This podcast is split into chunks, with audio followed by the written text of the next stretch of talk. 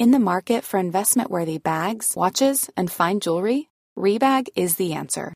Rebag is a luxury resale platform where each piece is carefully inspected by experts to ensure quality and authenticity. Use Rebag to buy and sell finds from the world's top brands, including Louis Vuitton, Chanel, and Cartier. Head to Rebag.com and get up to 15% off your first purchase as a member with code REBAGNEW. Shop today at Rebag.com. That's R E B A G.com. And use promo code REBAGNEW for up to 15% off your first purchase as a member. Hey, it's Ryan Reynolds, and I'm here with Keith, co star of my upcoming film, If, only in theaters, May 17th. Do you want to tell people the big news?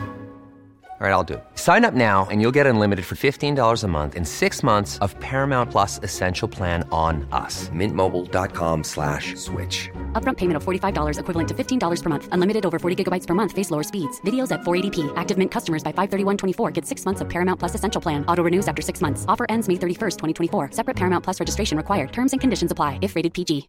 Hey, Dave. Yeah, Randy. Since we founded Bombus, we've always said our socks, underwear, and t shirts are super soft. Any new ideas? Maybe sublimely soft. Or disgustingly cozy? Wait, what? I got it. Bombus. Absurdly comfortable essentials for yourself And for those facing homelessness. because one purchased equals one donated. Wow, did we just write an ad?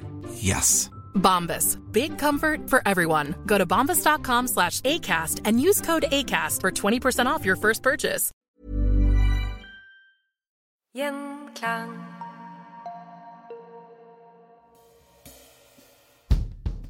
I dag så skal vi bli bedre kjent med en av våre mest allsidige kunstnere. Platedirektør, produsent, forfatter, skuespiller, riksrefser, programleder og visesanger.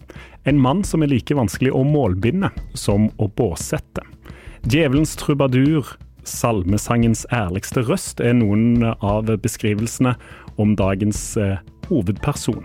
Oppvigleren som ble moralens vokter, alltid skarp, gjerne frekk, aldri ondsinnet. I dag så skal vi prøve å gi et svar på hvordan nasjonalskalden Ole Paus har endra Norge.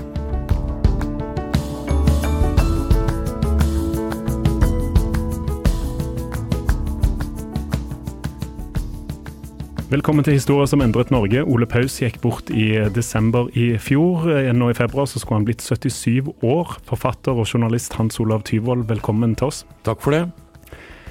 Du har jo eh, møtt Ole Paus og vært med Ole Paus, jobba med Ole Paus, eh, og det er derfor jeg har invitert deg i, studio i dag. Han hadde mange prosjekter, har du fortalt meg, i høst òg, men så ble han syk. Han ble sjuk i, i september. Han fikk, eh, fikk et hjerneslag. Det kan vi godt fortelle at eh, en av grunnene til at dette ble såpass alvorlig, var rett og slett at han eh, bodde alene og ble liggende en stund før han, eh, før han da ble sendt til, til, til sykehus. Um, ellers er han jo en mann som har vært med forbløffende god helse i forhold til sin livsstil, får man si. Her har det gått Det har drukket mye rødvin. Og han slutta vel aldri å røyke disse sigarillosene sine som han egentlig begynte med for at det skulle være i stedet for eh, sigaretter og så, og så videre. Men eh, altså, det var, det var planlagt en juleturné og en bok som han jobba mye med. Det er flere prosjekter. Eh, han måtte jo avlyse noen eh, konserter. Det han ikke skulle gjøre i år, det var julekonserter oh, ja. i kirker. Det har han gjort tidligere. Eh, da jeg pratet med ham en av de siste gangene før han ble sjuk, så spurte jeg om han skulle gjøre noen kirkekonserter i høst, og da svarte han typisk for Ole Paus at nei, jeg sitter vel her og skammer meg over de kons- julekonsertene jeg allerede har gjort. så han hadde et litt sånn tveget eh, tveget forhold til, eh, til det. Men det er jo noe av det som er typisk for, eh, for Ole Paus, at eh, folk trodde ofte at han sto for ting som han ikke sto eh, for. Men eh, som du sa i introduksjonen din, dette var en kunstner som sto alene. Som var, han kan i grunnen ikke sammenlignes med, med noe. Og jeg mener jo, og som du sier, altså jeg er gammel kollega, jeg har jobbet med ham, jeg lagde mye videoer for ham en gang i tida, en del TV-programmer. Men jeg mener jo på ramme alvor at uh, Ole Paus er en norsk kunstner som er blitt uh, holdt tilbake av å være norsk. Altså Hadde han, en mann med det talentet vært født inn i la oss si, den franske eller den engelske språktradisjonen, så er jeg helt overbevist om at Ole Paus ville vært et verdensnavn på linje, med Leonard Cohen, eh, Nick Cave, Bob Dylan, eh, den slags eh, type artister. Men i likhet med f.eks. Henrik Wergeland eller Trond Kirkevåg for den saks skyld, så var, en, var Ole Paus en mann som også var Han var litt låst inne i sitt lille land. Kanskje til det bedre for det lille landet, det vet vi jo ikke. Men kanskje vi skal prøve å eh, gjøre eh, Vi skal ikke prøve å sette han i bås, for det tror jeg sikkert han ikke ville likt. Nei, lykke til med den jobben. men jeg tror vi skal prøve oss å, å, å forstå litt hvorfor, eh, hvorfor, han ble en nasjonalskatt, og hvorfor han er vanskelig å plassere i en bås. For han kommer inn i en tid. Eh, er det feil å plassere han inn i en sånn visebølge i Oslo? Eh, er det i denne bølgen her han, han kommer frem i, opp i lyset? Ja, på en måte. Og det er jo dette merkelige ordet viser eh, som vi bruker i, i, Norge, og som er en veldig viktig del av vår kulturtradisjon. Eh, tenk bare på Alf Prøysen. Mm -hmm. Og da kan vi jo med en gang legge til at Alf Prøysen så på Ole Paus som sin arvtaker. Og da Prøysen lå på det siste, så var Ole Paus en av de få som han ønsket å få besøk av på, på sykehuset. Eh, legenden vil ha det at eh, Ole faktisk fikk gitaren til, eh, til Alf Prøysen. Ja. han ble jo også båret frem av riksmålsstriden, eller samnorskstriden. Ja. Og det var nok her veldig mange oppdaget ham, fordi at, eh, til glede for nye lyttere da, på 50-60-tallet, så forsøkte man altså å slå sammen eh, bokmål og nynorsk til noe som man kalte samnorsk. Det var ikke spesielt eh, vellykket, fordi at det å konstruere et språk som ikke har et godt rotfeste i folks vanlige daglige vokabular, det er veldig vanskelig. Men Ole ble en forgrunnsfigur blant gymnasiastene som protesterte mot dette, for han var formann da i Ungdommens riksmålsbevegelse, okay. eh, eller noe sånt. Og man må huske på at riksmålsbevegelsen pga. denne foreldreaksjonen var en veldig stor bevegelse. Den hadde sin egen avis, Frispråk. Eh, og det var veldig ledende kunstnere og forfattere som engasjerte seg i dette, her, fremfor alt André Bjerke. Ja. Og André Bjerke, eh, i likhet med Alf Prøysen, til tross for at de to er veldig forskjellige som kunstnere André Bjerke skrev aldri noen låter, selv om det, tingene hans er blitt tonsatt. Men begge disse så altså på Ole som en arvtaker i forhold til det de sjøl drev med. Og det gjorde de fordi Ole vektla tekstene på en helt fantastisk måte. Altså, før Ole debuterer i, i 1970 så er det ikke skrevet eh, så gode I dag så kaller man det singer-songwriter mm. på godt norsk. Det ordet hadde man jo ikke, eller begrepet hadde man ikke den, den gangen. Men den plata som kom i 1970 der ute her inne, den var rett og slett en, en sensasjon pga. at tekstene var så forbanna gode. Ja. Og så hadde du da denne måten å levere på som i grunnen ikke hørtes ut som Man skulle ikke tro at denne mannen som hadde spilt inn var 2-23 år gammel. Det hørtes ut som en fyr som hadde levd eh, mye. Og det hadde han for så vidt gjort, eh, gjort allerede da. Ja. Han kom jo fra militær bakgrunn. Han kommer jo fra et borgerlig hjem, da.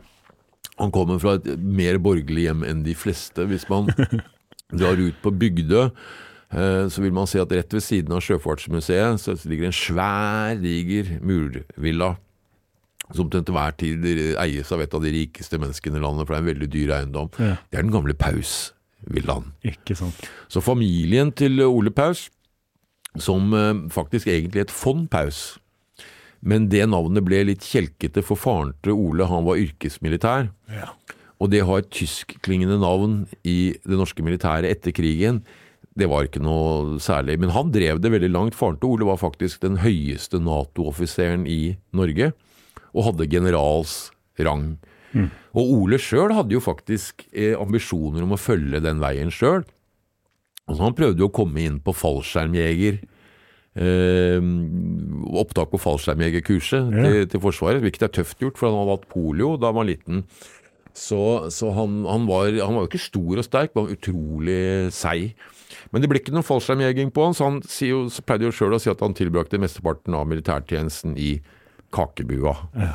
Så, men han har en bror som har gjort en yrkesmilitær karriere, så Så han har liksom ikke gjort skam på familien sånn. Men familiebakgrunnen er spesiell også fordi at veldig røtter til Sveits. Oles mor døde da han var veldig ung, så han ble i, i det vesentligste oppdratt av to tanter. Som da ikke var norske i eh, utgangspunktet. Så jeg tror at det har bidratt til perspektivet hans. at For det første så vokste han ikke opp i en tradisjonell kjernefamilie med mor og far eh, rundt bordet. Eh, han vokste opp med helt andre impulser og andre ting som ble, ble vektlagt. Han har en eldre bror som jo er finansmann. Han har vært en av toppene i Credit Suisse, blant annet. Så det er, en, det er en, som du sier, en meget borgerlig eh, familie, dette her.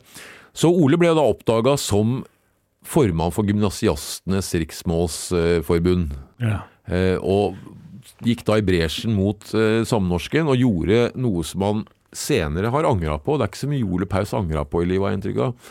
Iallfall ga han ikke så mye uttrykk for det.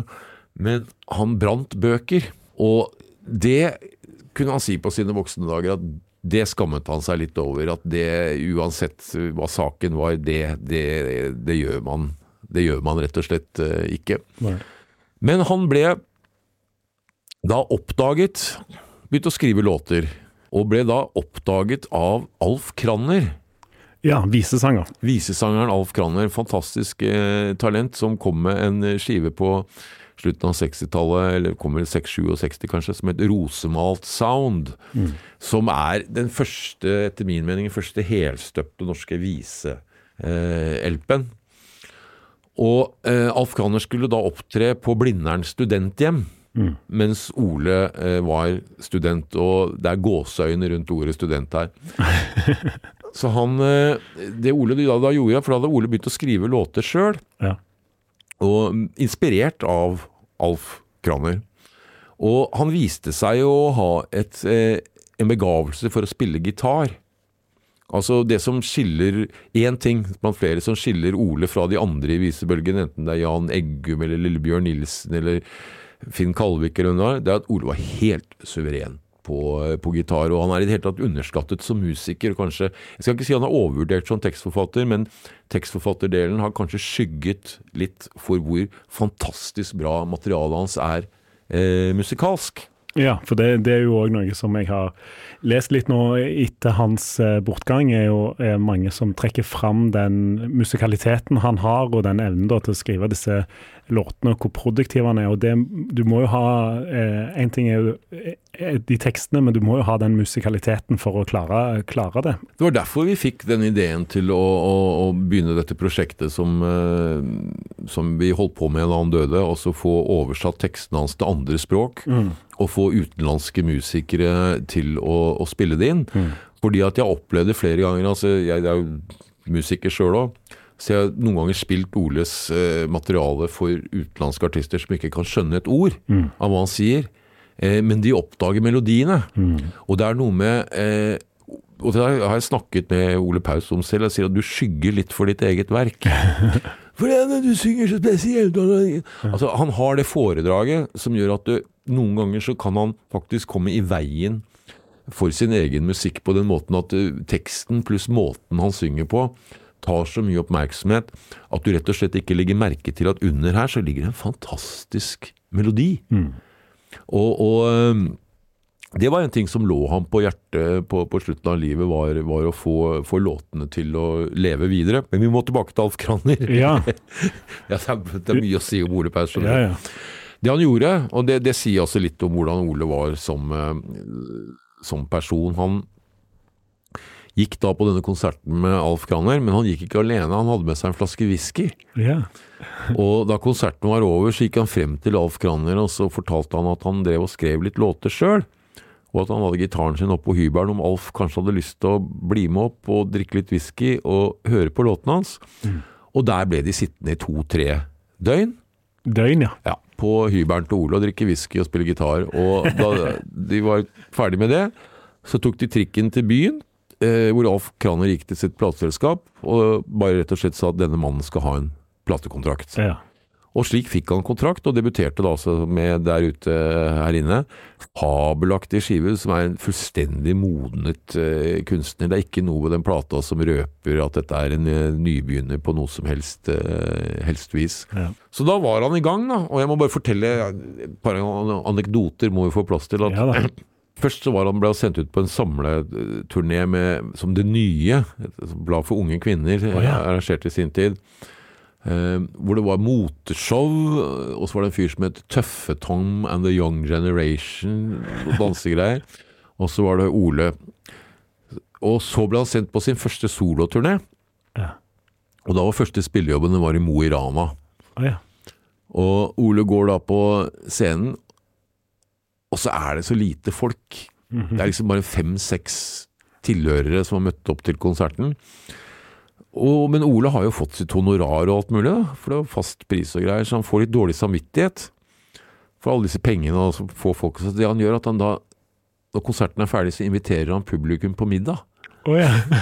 Så går han ut, og så bruker, bruker de honoraret på å spise en heidundrende middag på, på byen, og så, og, så, og så reiser han videre. Fordi at det er jo en ting med Ole Paus som må, må nevnes, det er at eh, jeg mener jo at det står mellom han og dronning Sonja i hvem som har sett mest av Norge. Altså, Ja. o, Det finnes steder i dette landet hvor det er bare kongen og Ole Paus som har vært der, liksom. eh, men iallfall, han, han ble da en sensasjon allerede i 1970, og det skyldtes ikke minst at den gangen så hadde vi jo et enkanalsystem. Skrudde du på TV-en, så hadde du én kanal å velge mellom. Og på den kanalen En konge. Én konge, og han het Erik Bye. Ja. Lørdagskveld med Erik Bye. Hele nasjonen satt klistra og så det på lørdagskveldene i 1970-71. Og der var det at Erik, også gammel riksmålsmann, tok Ole Paus under sine vinger, og hver eneste sending så var det én låt med Ole Paus. Altså bedre reklame kan du rett og slett eh, ikke få. Og samtidig så holdt O- Ole Hoff i en leilighet på, på Frogner som etter disse Erik Bye-sendingene så var det fullt av alle kjendiser som hadde vært på det. Nachspiel, liksom. Nachspiel, ja. Ja. Og, og Erik Bye var veldig opptatt av, av hva Ole mente om uh, hva han drev med. For greia var at både Erik Bye, uh, André Bjerke, Alf Prøysen, Jens Bjørneboe så altså på Ole som en arvtaker, og de så på det som viktig. altså Hvordan skal vi bringe den tradisjonen med å skrive norske, gode visetekster videre? Og de så alle sammen på at Ole var det store eh, hvite håpet. Ja. Og han ble jo knytta veldig tett til André Bjerke også fordi han eh, ble samboer med Bjerkes kone. Ja. Eh, Dette forholdet var da i full, full oppløsning, men eh, Henny Moan, kjente skuespilleren, som da var 10-11 år eldre enn Ole, så allerede som 22-åring så ble han da eh, far. ja. Eh, og det er jo ganske tidlig å bli far i det hele tatt, og det å forene det med en eh, sånn karriere som omreisende visesanger, det skulle de neste 50 årene vise at det er ikke så enkelt. Nei. Jeg må bare si at eh, jeg har lest mange flotte nekrologer eh, etter at Ole Paus gikk eh, bort, men jeg stusser litt over noen navn, og dette er jo litt sånn Når vi, har snakket om at det er vanskelig å sette han i bås, så kommer jo navnet Anders Lange opp, og at det er en link der mellom Ole Paus og Anders Lange. Hva er det for noe?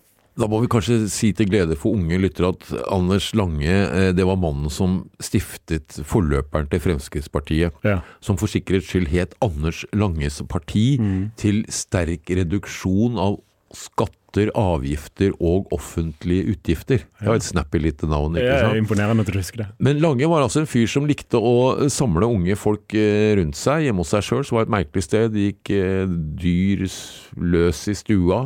Ja. Eh, Lange var interessert i all slags type folk, men formulerte da altså det som skulle bli partiprogrammet til, til Fremskrittspartiet. De som Ungdommene som hang rundt Lange, de blir gjerne kalt for hundeguttene. Ja, hvorfor det? Fordi Lange drev en avis som het Hundeavisen. Ja. Som visste, så Det var ment at det skulle være sånn der, det skulle handle om bikkjer og oppdrett og sånn, men det ble bare fylt av var det politisk eh, stoff i det hele tatt. Og Ole var ikke Det er veldig mange som var med i disse hundeguttene som etterpå var gjort sitt beste for å skjule det. Ja. Ole har ikke lagt, eh, lagt skjul på det, og, og snakket alltid veldig varmt om Anders Lange. Og det skyldes nok også at Ole hadde en ganske fin evne til å skille person fra sak. Han kunne være riv raskende uenig med en person, og samtidig eh, ha et godt forhold til, eh, til, eh, til vedkommende. Men når han da debuterer, så blir han jo veldig fort sett på som noe han ikke er, altså en venstrevridd eh, raddis, fordi at han er ustelt på håret, kanskje litt ubarbert, han har runde sånn John Lennon-briller. Han ser i sin apparisasjon Hvis du ikke ser nærmere etter, så kan han se ut som en litt frika type. Men hvis du ser på et hvilket som helst bilde av Ole Paus, fra når som helst i karrieren, så gå inn og se, se på klærne. Det er ikke, det er ikke billige tweedjakker han går med. Ordentlig Det er skikkelig kasjmirull på genseren. Altså, han var veldig glad i dyre, gode eh, klær, Ja. som ikke så ut som det. Men så igjen, dette borgerlige, han var en mann med sans for, eh, for luksus, ja. Og en Porsche på 80-tallet òg, fortalte du meg. Jaguar! Jaguar. Jaguar, ja. Det er forskjell, ja. ja. Hva er denne Jaguaren, da? Den Jaguaren ble jo etter vært litt sånn eh, berømmelig, fordi at altså Ole likte jo ikke Det må sies med en gang. Han er den eneste artisten jeg vet om som har vært boikottet både av kristenfolket og av AKP-erne. Og særlig dette her med at han ble oppfattet som en liksom sånn raddis og sosialist, det ville han ikke ha sittende på seg.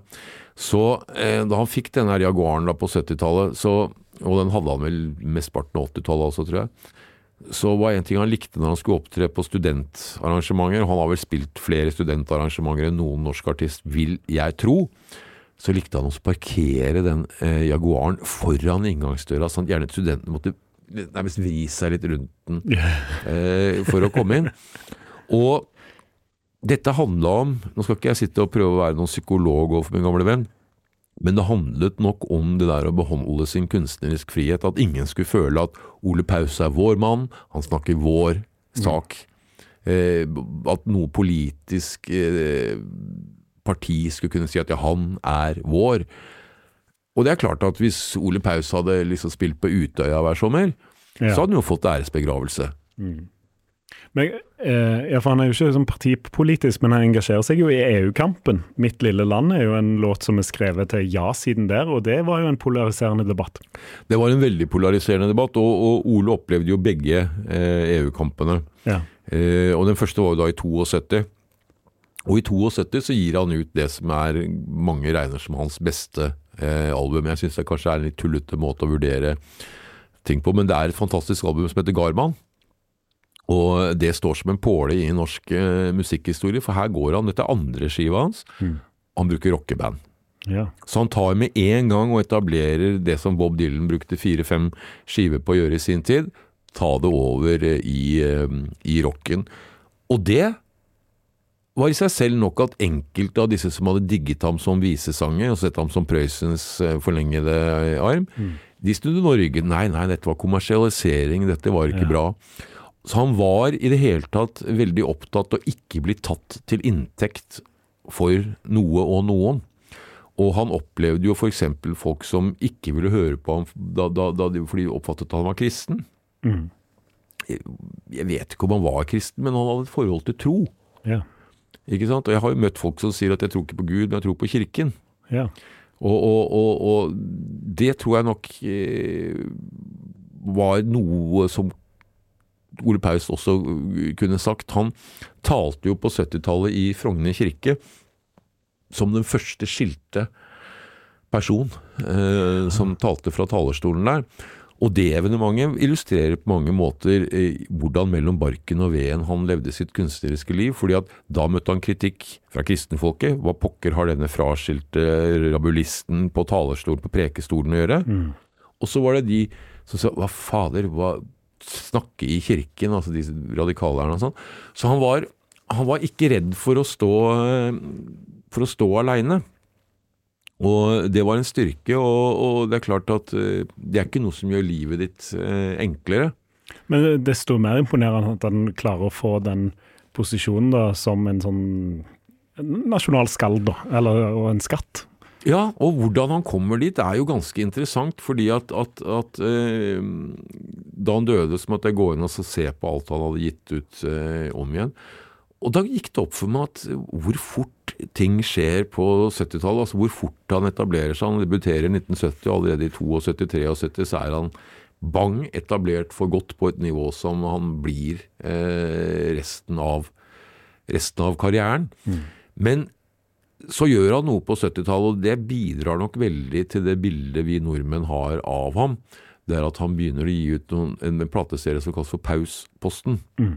Som rett og slett, jeg husker da han lanserte det, eh, hvor han sier at dette er å holde skillingsvisen i, i, i live. Og det passa veldig godt til Ole, fordi at på disse låtene så var det bare å skrive tekst. Og det er jo det som han var en del av en bølge som jeg nevnte i stad, som på amerikansk kalte det folk music, vi kalte det viser. Men noe av den tradisjonen handler om at du tar en etablert gammel melodi, og så skriver du bare en ny eh, tekst den. Halvparten av Bob Dylans tidligere produksjon, tidligste produksjon er låter som hadde eksistert i hundrevis, melodier Ja. som hadde eksistert i hundrevis av år. Han kommer og legger en ny tekst på det. det dette var en tradisjon for. Skillingsvise komponistene, de brøy seg ikke med melodien. Nei. De hadde et utvalg av melodier de brukte, og så skrev de tekster som passet til det. Og det vil du finne på Ole på hans satiriske tekster. Du vil finne flere låter som går på nøyaktig samme melodien. Og, og dette skyldes jo, og, det gjorde jo også at han var i stand til å jobbe ekstremt, eh, ekstremt eh, raskt. Ja. Han var virkelig sånn som kunne sette seg ned med et stykke papir, og så ti minutter etterpå så var det en tekst som du, du leste, og du kunne brukt eh, et halvt år på å prøve å file til noe lignende. Så han hadde en naturlig følelse for språk.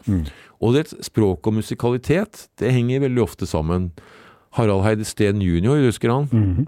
Han eh, var jo en vanvittig dyktig scat-sanger. Altså jazz. Ja. Og samtidig så var han i stand til å etterligne omtrent et hvilket som helst språk. Altså ta syngingen, melodien og tonaliteten eh, i det. Ole derimot var ikke så flink med språk. Han snakka elendig engelsk. Jeg bare nevner det sånn sidelengs. Jeg husker en gang da han hadde programmet sitt, så skulle vi til London og intervjue Bill Wyman, bassisten i The Rolling Stones. Ja. Da måtte vi nesten ha tolk. In the market for investment worthy bags, watches, and fine jewelry, Rebag is the answer. Rebag is a luxury resale platform where each piece is carefully inspected by experts to ensure quality and authenticity. Use Rebag to buy and sell finds from the world's top brands, including Louis Vuitton, Chanel, and Cartier. Head to Rebag.com to get 5% off your first purchase with code REBAGNEW. Shop today at Rebag.com. That's R E B A G.com. And use promo code REBAGNEW for 5% off your first purchase. Hey, I'm Ryan Reynolds. Recently, I asked Mint Mobile's legal team if big wireless companies are allowed to raise prices due to inflation. They said yes. And then when I asked if raising prices technically violates those onerous two year contracts, they said, What the f are you talking about, you insane Hollywood ass? F- So to recap, we're cutting the price of Mint Unlimited from $30 a month to just $15 a month. Give it a try at mintmobile.com slash switch. $45 upfront for three months plus taxes and fees. Promo rate for new customers for limited time. Unlimited more than 40 gigabytes per month. Slows. Full terms at mintmobile.com. Hiring for your small business? If you're not looking for professionals on LinkedIn, you're looking in the wrong place. That's like looking for your car keys in a fish tank. LinkedIn helps you hire professionals you can't find anywhere else, even those who aren't actively searching for a new job but might be open to the perfect role. In a given month, over 70% of LinkedIn users don't even visit other leading job sites. So start looking in the right place. With LinkedIn, you can hire professionals like a professional. Post your free job on linkedin.com/people slash people today. Det det. Men Og det tror jeg er noe av det som har vært Det at han ikke snakka engelsk så særlig godt, og iallfall ikke så godt at han kunne finne på å begynne å synge på det, det var nok veldig bra. For dermed så holdt han seg til det norske språket og ble par excellence den beste norske tekstforfatteren av sin generasjon innen den sjangeren.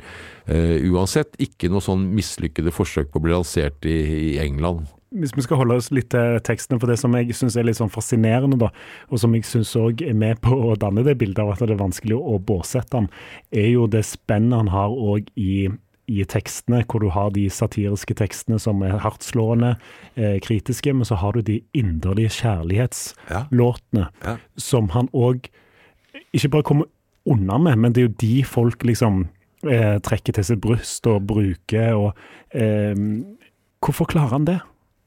Det er jo det store spørsmålet han etterlater seg. Hvordan han gjør det, hvordan han blir både artisten vi søker til når vi skal ha fest, men også artisten vi søker til når vi skal ha trøst. Ja. Du aner ikke hvor mange begravelser Ole Paus har eh, spilt i. Dette har jeg vært vitne til selv. Guttunge i Tønsberg dør i en eh, trafikkulykke. Familien eh, ringer. Han super-Ole Paus-fan. Ja. Ole Paus drar ned Ja. og spiller i, eh, i, i, i, i begravelsen. Tar ikke noe for det og drar hjem. Mm. Så han hadde jo eh, en ydmykhet i, i forhold til sin egen rolle på, eh, på den måten. Og, og så var han da ikke sånn Jeg tror det var en fordel for ham at han fikk så suksess med en gang. At han slapp å lete etter en suksessoppskrift. Det ødelegger de fleste musikkarrierer, er jo det at du får ikke suksess med en gang. Så i stedet for å fortsette å holde fast ved det, så prøver du kanskje noe annet. Så i løpet av en tre-fire plater så aner du ikke selv hvem du er eh, eh, musikalsk. Men han, er, han går jo andre veier òg. Altså, det er nesten sånn at nå har jeg hatt suksess med det, så nå skal jeg gjøre noe annet. Ja, det er en god måte å se det på. Og det er jo risikofullt, det òg. Men jeg tror, jeg tror at det langt på vei var en måte å, å, å utfordre seg selv eh, på. Som jeg sa i stad, så var han ekstrem på å kunne jobbe fort. Jeg har sett ham sitte Jeg har bokstavelig talt sett ham skrive en låt på ti minutter. Og en halvtime etterpå så var låta ferdig eh, innspilt. For det var også en ting han gjorde, bare nevnt i parentes, at på alle innspillingene hans så brukte han det ypperste av musikere som var å få. Sånn at du ikke måtte sitte og kjøre gjennom låta åtte-ni ganger og skrive ut noter. Folk som var i stand til å hive seg gjennom, tolke låta. Veldig mye av det du hører av Ole Paus, det er første, andre, tredje takes. Ja, så han likte den effektiviteten? Likte det å ha så gode musikere. Er Derfor at tidlig i, i karrieren så brukte han f.eks. mye jazzmusikere. Fordi de fleste jazzmusikere eh, har gehør. Ja. Det, og, og ikke minst så brukte han også til å litt sånn fargelegge tingene. Men det er en veldig interessant ting med Ole musikalsk sånn sett, er at det finnes mange, mange artister som kler seg i andre folks fjær, musikalske fjær. Paul Simon for eksempel er den fremste blant det. Eh, dro til Sør-Afrika, brøt FNs kulturboikott eh, og spilte inn musikk eh, der nede under apartheid. Spilte inn deres musikk, la sine tekster på det og gjorde deres musikk til sin. Ole dro til Cuba Ja. og spilte inn en skive der, i Havana. Eh, Etter én dag så måtte produsenten, eh, Sven Norvik, si til de cubanske musikerne at ja, jeg vet at dere er vant til at det kommer artister hit fra hele verden, for de skal ha oi, oi, Cuba libra, ikke sant? Ja. Men dette er noe annet. Denne mannen er ikke kommet hit for at dere skal spille deres musikk. Han har kommet hit for han har hørt dere og syns dere er flinke musikere, og han er nysgjerrig på å høre hvordan dere høres ut når dere spiller hans musikk. Ja. Så Ole kommer da hjem fra Cuba med en fantastisk LP som heter Den velsignede, som er altså cubanske musikere som ikke spiller uh, uh, rumba, ja. men faktisk spiller med kjempesvære ører under det, det, det Ole gjør. Og, da, og det at han da hadde så respekt for, for musikere, det, den historien forteller Han kommer ikke inn og sier liksom, gjør sånn og sånn og sånn. Han sier her er sangen min, hva kan dere gjøre Ja. eh, på det? Og dermed så er det jo sånn at liksom alt som kan krype og gå av store, gode musikere her i Norge de siste 50 åra har på et eller annet tidspunkt eh, spilt med Ole Paus. Jeg syns det er interessant at i 72 så spiller han med den hotteste rockegruppen Pussycats. Og altså i 2020 så gir han ut en skive med den hotteste rockegruppa Motor eh, Psycho. Og igjen, Motorpsycho høres ikke ut som Motorpsycho på den skiva. De må i likhet med de cubanske musikerne, så må de spille Ole Paus Ja. eh, sin musikk. Jeg jobba litt musikalsk på han sjøl også, og jeg masa evig på ham om å få han til å begynne å spille elgitar. Ja. Jeg skulle så veldig gjerne Jeg har hørt ham spille elgitar, tøft nok det også, men, men igjen dette her med at han veldig god instrumentalist som kunne altså virkelig spille med, med de aller beste. Hvis du, neste gang du hører et opptak med Ole Paus hvor han spiller aleine, så prøv å kutte ut stemmen, prøv å kutte ut teksten. Bare hør på det gitarspillet. Jeg har spilt gitar i 50 år, jeg er ikke i nærheten. når han gikk bort i desember i fjor, så var jo så blir jo Mitt lille land trukket fram. Og det er jo òg fordi mange brukte jo den låta etter 22.07.2011. Og det ble en sånn eh, Det ble, en, ble, brukt som trøst da, for en hel, hel, nasjon. Har du noen inntrykk av hvordan, hvordan han reagerte på det, eller hvordan han tolka det? Ole var en fyr som var eh, en merkelig kombinasjon av å være veldig bevisst på sitt talent på den side, mm. men også veldig, veldig eh, ydmyk. Og Mitt lille land er vel det nærmeste vi har kommet en uoffisiell eh, nasjonalsang. Men jeg syns jo det er interessant akkurat det du påpeker, at den ble jo i sin tid, som du helt riktig sier, laget i forbindelse med EU-kampen på begynnelsen av 90-tallet. Mm. Og på ja-siden. Ikke på ja-siden. Og så viser det seg at, at, at, at, når da en sånn ting som 22. juli skjer, så er det en låt å gå til. Mm. Og det, det, sier jo litt om mannen som kunstner, at han klarer å lage låter som er så tolkbare. Mm. Og noe av det som har hjulpet ham med det, er nok disse Pauspost-greiene, som jo ikke er altså det, det, er What you see is what you, what you get. Mm. Og halvparten, minst halvparten av Pausposten-låtene er jo bare helt irrelevant i dag. Fordi de folka han synger om, og de begivenhetene han synger om, du må begynne å først holde et foredrag om uh, hvem var de. Ja. Men det er verdt å merke seg at da Ole lagde en slags avskjeds-LP, trippel-LP, på 2010-tallet, som skulle bli hans siste, hvilket jo ikke på noen som helst måte ble, så, så delte han den skiva, altså en trippel-LP, og en av skivene var utelukkende satiriske, satiriske låter. Så han så nok Han tok, han tok hoffnarrollen sin eh, ganske på alvor. Mm. Men det må jo òg være, eh, være, være, fint sånn når vi sitter med et inntrykk av at han, han gikk bort for tidlig. At han òg har fått opplevd den nasjonens liksom, støtte og den eh, hyllesten òg på 2010-tallet, når han òg blir hedra med med hedersprisen på Spellemann, annet, og disse, disse tre Kongelige medaljer, ja.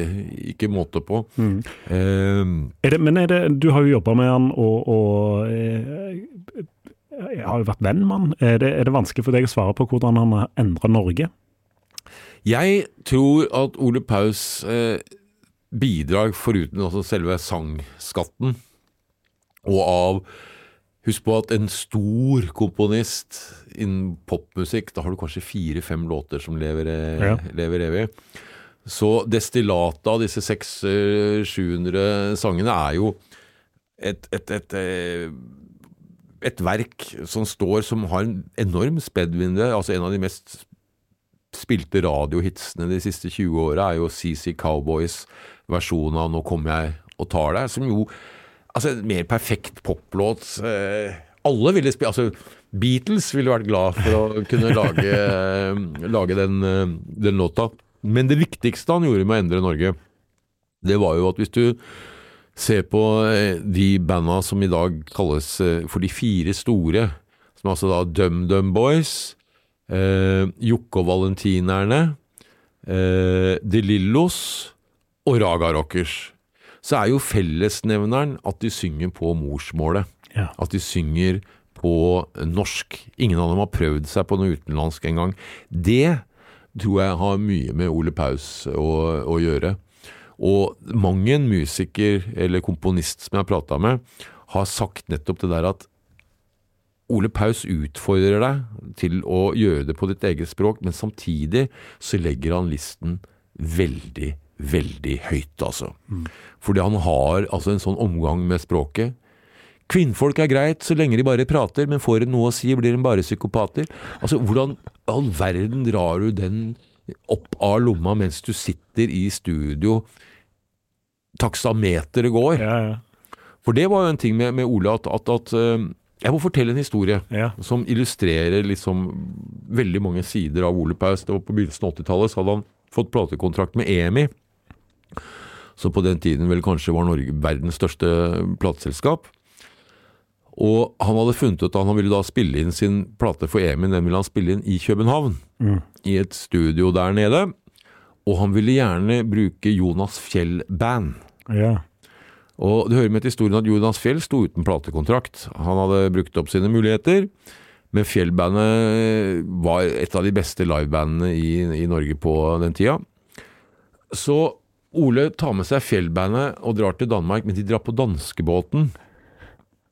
Og da har Ole sørget for å få med seg sjefen på EMI. Ja. Og det han sier da til Jonas Fjell, er at nå har du sjansen. På vei ned så må du bare overtale denne fyren til å skaffe deg platekontrakt. Jeg har snakka så mye pent om den som jeg kan, nå må du bare legge inn støtet. Mm. Og Fjell prøver så godt han kan. Eh, hvorfor skal jeg gi deg platekontrakt? Se på deg sjøl. Du, liksom, du er skalla, du har briller, du er halvgammal. Altså, gi meg én god grunn til at vi skal gi deg platekontrakt. Og da svarer eh, Fjell at jeg har gode tenner. og altså, Det er en sånn ting som type Ole kunne sagt. Så de, så de drar ned og så spiller de da inn denne plata som heter Sorte ringer, en fabelaktig album. Eh, og det er betegnende for Ole. Jobbes fantastisk intenst i studio. De skal ha tolv låter. Når de har spilt inn elleve, så det mangler bare én av Ole. Så sier Ole nei, nå er det tomt. Nå er det tomt, ja. Nå er det ikke mer. Nå er det ikke mer. Og dermed så spiller de en fjellåt som kommer på den Ja. greia. Så, så det er veldig mange folk som har opplevd, eh, opplevd å få hjelp av Ole Paus i karrieren, som kanskje har med å gjøre at han opplevde at Alf Kranner Altså folk som blir mentorert, Ja. de blir ofte gode mentorer sjøl. Ja. Hvis du har opplevd som ung arbeidstaker, ung kunstner eller hva som helst, at en eldre person ser deg, benytter sin erfaring til å hjelpe deg. Og det gjorde han igjen og igjen. Jeg møter stadig vekk folk som kan fortelle om Jeg har jobba med Ole sånn, og om det har vært en helg eller om det har vært en time Alle har følt seg sett, og han hadde et veldig blikk for, eh, for folk. Når det er sagt, så kunne han også bli fryktelig uvenner med, med folk. Veldig mange av samarbeidsprosjektene til Ole Paus eh, endte, om ikke endte, men innebar en eller annen form for personkonflikt. Eh, konflikt. Ja, hvorfor det? Fordi han er, var egen i sin måte å gjøre ting på, eller? Jeg vet ikke, fordi at eh, som en av hans mange ekskoner sa til meg, så er jeg en av de få som har klart å jobbe med ham over tid uten at eh, det har skjedd. Men det er også fordi at, at eh, jeg for mitt vedkommende lærte meg å, å tolke ham ganske bra. Vi, vi skulle spille inn en video på denne Elverum-låta, vet du. Mm. Og den skulle spilles inn på Elverum. Ja. Betalt av Elverum næringsselskap. Oh, ja. Vi hadde én dag å spille det inn på. Jeg hadde laget den strammeste kjøreplanen jeg har laget i hele mitt liv. Og så sitter vi i lunsjen. Da hadde vi vært på sykehuset på morgenen, og vi hadde vært på en kafé. Vi hadde spilt inn Ole som sto i gågata og spilte gitar der inne. Masse. Og så sitter vi og spiser lunsj, og sier Ole «Eh, Du Hans Olav, eh, i tredje verset der hadde det ikke vært stilig hvis vi hadde filmet det i kirken med et svært kor? I hvite kapper? Jo, sier jeg, det hadde vært fint det, Ole, men nå har vi veldig dårlig tid, så det kan vi bare ta og drite i. Og så sier Ole Hans Olav, jeg tror jeg vil ha det. og, og jeg tror kanskje det var min fremste egenskap i forhold til Ole Paus. Det var at jeg, jeg, jeg klarte å sense når det ikke var noe vits i å krangle. Ja. Men jeg visste også hva Ole Paus var som merkenavn, så jeg sa til Ole ja, men da prøver vi det, men da blir du med meg og tar telefonen. da. ja. For det er helt utrolig å være vitne til hva som kunne skje når han satt der. Ja, hallo, det er Ole Paus som ringer. Vedkommende i andre enden visste med en gang hvem du snakka med. Lang historie kort. En time senere så sto vi i Elverum kirke med et kor med 70 mennesker i eh, hvite kapper, og det ble en fabelaktig opptak av det. ja, fint. Sånn helt avslutningsvis, hva, hva kan vi lære av Ol- Ole Paus? Det er et godt spørsmål. Um, vet, spørsmålet med store kunstnere Ja. Se på altså, han var jo da var gift tre, fire, fem ganger, jeg er ikke sikker. Jeg er ikke engang sikker på hvor mange barn han har. Eh, hvor mange adresser han har hatt i Ja. løpet av sitt liv, tør jeg ikke tenke på, eh, på engang. Han sier jo selv i en tekst at altfor mange oppbrudd har gjort meg sånn. Ja. Men jeg tror det man kan lære av Ole Paus, det er eh, det som Neil Young uttrykte som 'rust never sleeps'. Jeg tror at en av grunnene til at han stadig kommer gjennom forhold, bryter forhold, eh, bryter forretningspartnere hele tiden, det er eh, frykten for eh, at det skal gro mose på deg. At ja. Tanken på at så lenge du er i bevegelse, så kan ikke, ikke, det, ikke det skje. Og samtidig, som du sier, altså En side om lengtet etter ro og eh, fred. En annen side av ham ville ikke ha det, og hans økonomiske problemer på 90-tallet var kjent. Det var på den tiden jeg jobba mest med ham, og da sa han at, at så lenge jeg bare kan hive gitaren i bagasjerommet, kjøre til Sarpsborg, gjøre en spillejobb under den forutsetning at det ikke står noe i avisen, ja. så kan jeg overleve, jeg. Så det var nok et tveegget sverd at uh, Ole Paus kunne til enhver tid bare hive gitaren i, i, bilen, og uansett hva slags akutte økonomiske problemer han hadde, så kunne han alltid spille seg ut av det der og da. Men det Det var nok, som jeg sier, et tvega sverd. At uh, at han kanskje hadde hatt bedre av eh, litt mer ro, men når du ser på verket, og ikke minst ser på den siste skiva, den som han lagde sammen med Motorpsycho, sammenlign det med den første skiva, så tenker altså at det er, det, det, dette er en karriere på nesten 50 år. Det er helt uten sidestykke i norsk platehistorie, i de fleste lands uh, platehistorier. Han er den fremste representanten for den såkalte visebølgen. Det kommer ikke noensinne til å komme noen som har vært større innen den sjangen. Vi får ikke større singer-songwriter i Norge. Så det at Norge da velger å, i likhet med Alf Prøysen, ikke gi ham en æresbegravelse, det forteller vel litt om hans lille lands forhold til kunst i det hele tatt. Vi lar den henge inn i, inn i avslutningen av denne podkasten. Hans Olav Tyvold, tusen takk for at du fortalte om Ole Paus.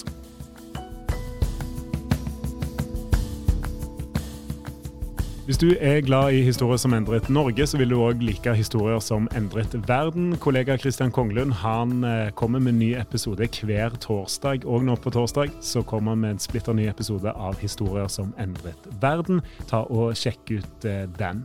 Du kan òg eh, følge oss i Historier som endret Norge på Instagram. Der legger vi ut bilder og videoer som er relatert til ukens episode. Der kan du òg komme i kontakt med meg om du har episodeønsker eller gjesteforslag. Ta og send meg en melding på Instagram. Historier som endret Norge. Gjenklang.